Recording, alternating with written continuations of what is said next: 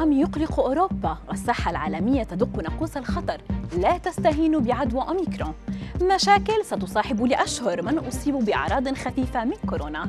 أبرز أخبار الساعة الأربع والعشرين الماضية في دقيقتين على العربية بودكاست. أصدر المركز الأوروبي للوقاية من الأمراض ومكافحتها تحذيرا بشأن التهديد المزدوج لفيروس كورونا والإنفلونزا عبر الاتحاد الأوروبي. وأثار انتشار الإنفلونزا في جميع أنحاء أوروبا مخاوف بشأن خطر الوباء المزدوج لفترات طويلة. حيث يثير معدل انتقال كوفيد 19 المرتفع مخاوف بشأن الضغط على النظم الصحية الأوروبية المنهكة بالفعل. وبحسب المركز فإن القيود المخففة ستؤدي إلى عودة ظهور حالات الإنفلونزا.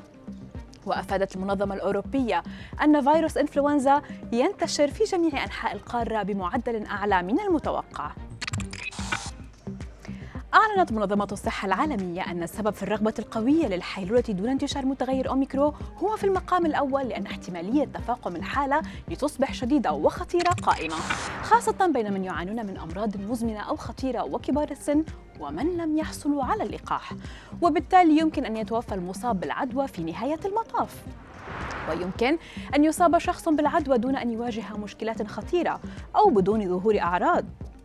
ولكن تكمن الخطورة في أن هناك احتمالية أن ينقل العدوى إلى شخص آخر أكثر عرضة للإصابة بمضاعفات خطيرة.